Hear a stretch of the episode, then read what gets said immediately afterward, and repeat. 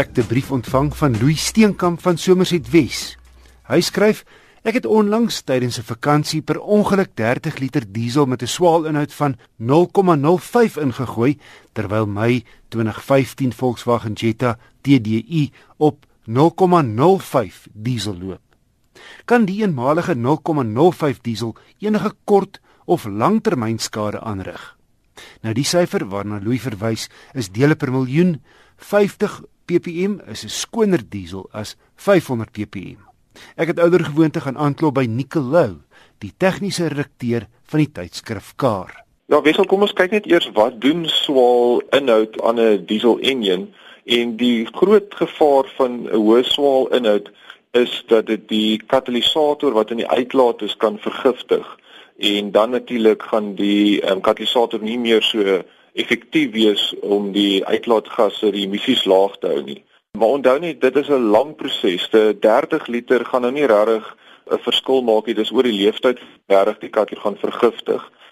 En invloed wat swaal ook het is dit kan natuurlik as die voertuig hierdie partikel lid uh, filters het dan uh, dit ook bietjie negatief invloed maar weer eens dit gaan oor 'n baie lang tyd en dan ook as ons kyk na die oliegaal um, ons sien dat vandag so moderne turbo diesels se diens hulle word al hoe meer verleng. Mens kry nou maklik 15000 20000 intervalle en die rede daarvoor is of een van die redes is vandag se diesels het 'n laer swaal en dit soos jy nou 'n hoër swaal ou net in uh, meer ry dan kan van daai swaal in kontak kom met die olie en dan in jou olie beland en dan op jou olie negatief invloed. Maar ek wil net vir Louis gerusstel dat 30 liter, ek weet daai Jetta se tank is so 55 liter. So as hy dan die res inge, ingegooi het teen die die 50 ppm of selfs daar's nou al 10 ppm beskikbaar, dan gaan die mengsel dan nou heelwat laer as 500 wees. En as 'n een eenmalige geval behoort dit glad nie invloed te hê nie. Hy hoef nie bekommerd te wees dat enige meganiese skade aan sy enjin aangerig word nie. En ehm um, soos ek sê eenmalige geval dis nooit ideaal nie, maar ehm um, selfs sy katalisator behoort nie in gevaar te wees vir onmiddellike skade nie, soos ek genoem het, is 'n langtermyn proses wat daai katalisator vergiftig. So ek dink hy's veilig in die geval. Nikkel net so terloops, is dit 'n wyse ding vir iemand soos Louis wat nou 50 ppm gebruik om as daar van daai 10 ppm beskikbaar is dit in te gooi? Ek sou sê as die vervaardiger gesê het um, 50 ppm is wat die motor gaan gebruik, dan is dit al klaar goed genoeg, maar die 10 ppm is natuurlik 'n stapie beter. So as jy uh, die 10 ppm kan ingooi, ek dink dit is 'n bietjie van 'n hoër gehalte produk in die sin van dit het ook die die nuutste bymiddels en so aan by en ons het dan net gepraat oor die negatiewe gevolge of wat swaal kan veroorsaak en natuurlik minder swaal sal dan beter wees. So dit gaan 'n klein bietjie beter wees, maar omdat die vervaardiger gesê 50 ppm is aanvaarbaar, is dit ook heel um, reg. Nikkel, dan het Louis nog 'n vraag en hy sê dat julle ouens daar by Kar uh, gereeld in padtoetse skryf dat turbo diesels eintlik 'n beter koopie is as petrol hibriede voertuie. Nou wil hy weet hoekom hoor 'n mens nooit van diesel hibriede voertuie nie.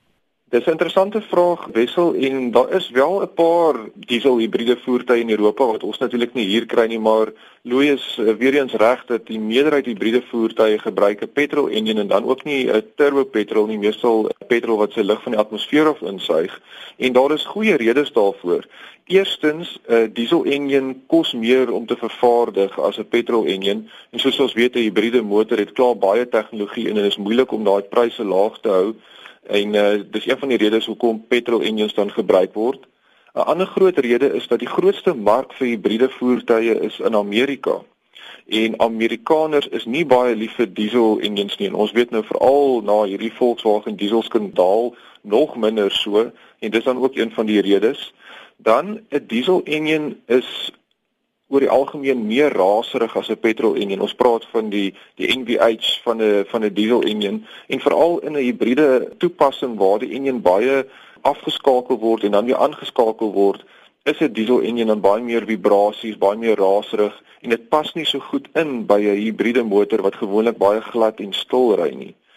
Dan is daar ook die probleem van 'n diesel enjin wat langer vat om op temperatuur te kom as hy aangeskakel word uh, teenoor 'n petrol enjin en natuurlik omdat in 'n hibriede voertuig die enjin vir kort tydjies gewoonlik gebruik word, gaan 'n diesel enjin dan beswaarlik op uh, temperatuur kom wat beteken die slytasie gaan redelik hoog wees uh, waar 'n petrol enjin beter sal vaar.